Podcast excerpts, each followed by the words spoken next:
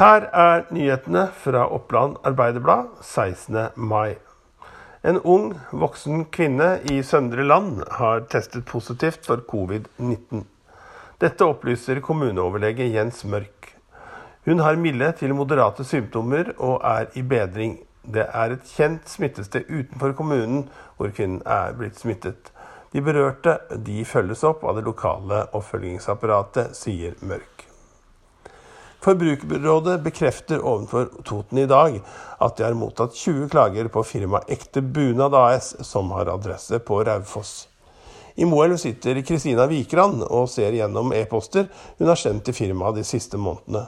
I september 2019 bestilte hun en bunad til datteren sin og betalte et depositum på 5000 kroner via firmaets nettbutikk.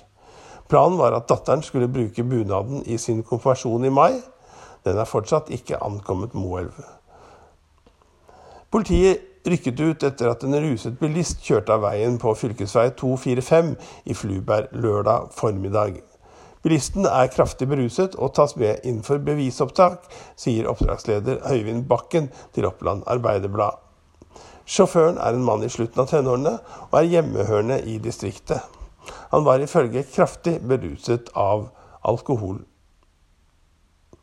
Det er svært beklagelig. Det sier daglig leder i Connexus, Andreas Wisløff Samuelsen, etter at persondata fra 40 000 elever og ansatte i fylkeskommunen Trøndelag, Agder og Innlandet kan ha havnet på avveie.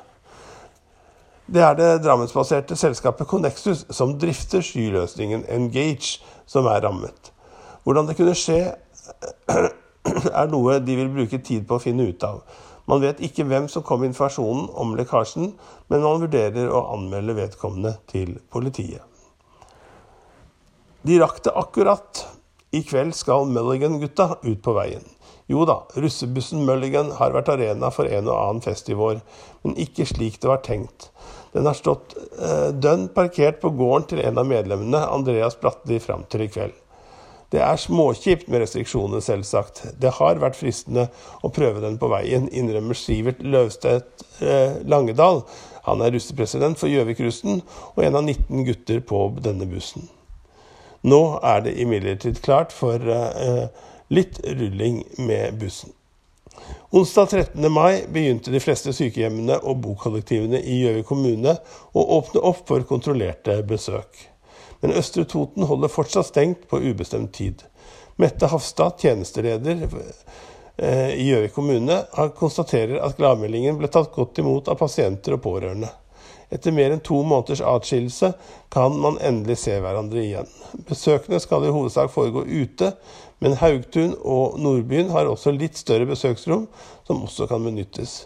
Hvis pasientene er for dårlige til å gå ut av rommet, så legger vi også til rette for besøk der, sier Hafstad. Dette var noen av nyhetene i Oppland Arbeiderblad i dag. Du kan lese flere nyheter inne på oa.no, eller laste ned noen av våre podkaster her. Mitt navn er Erik Sønsterli. På gjensyn i morgen.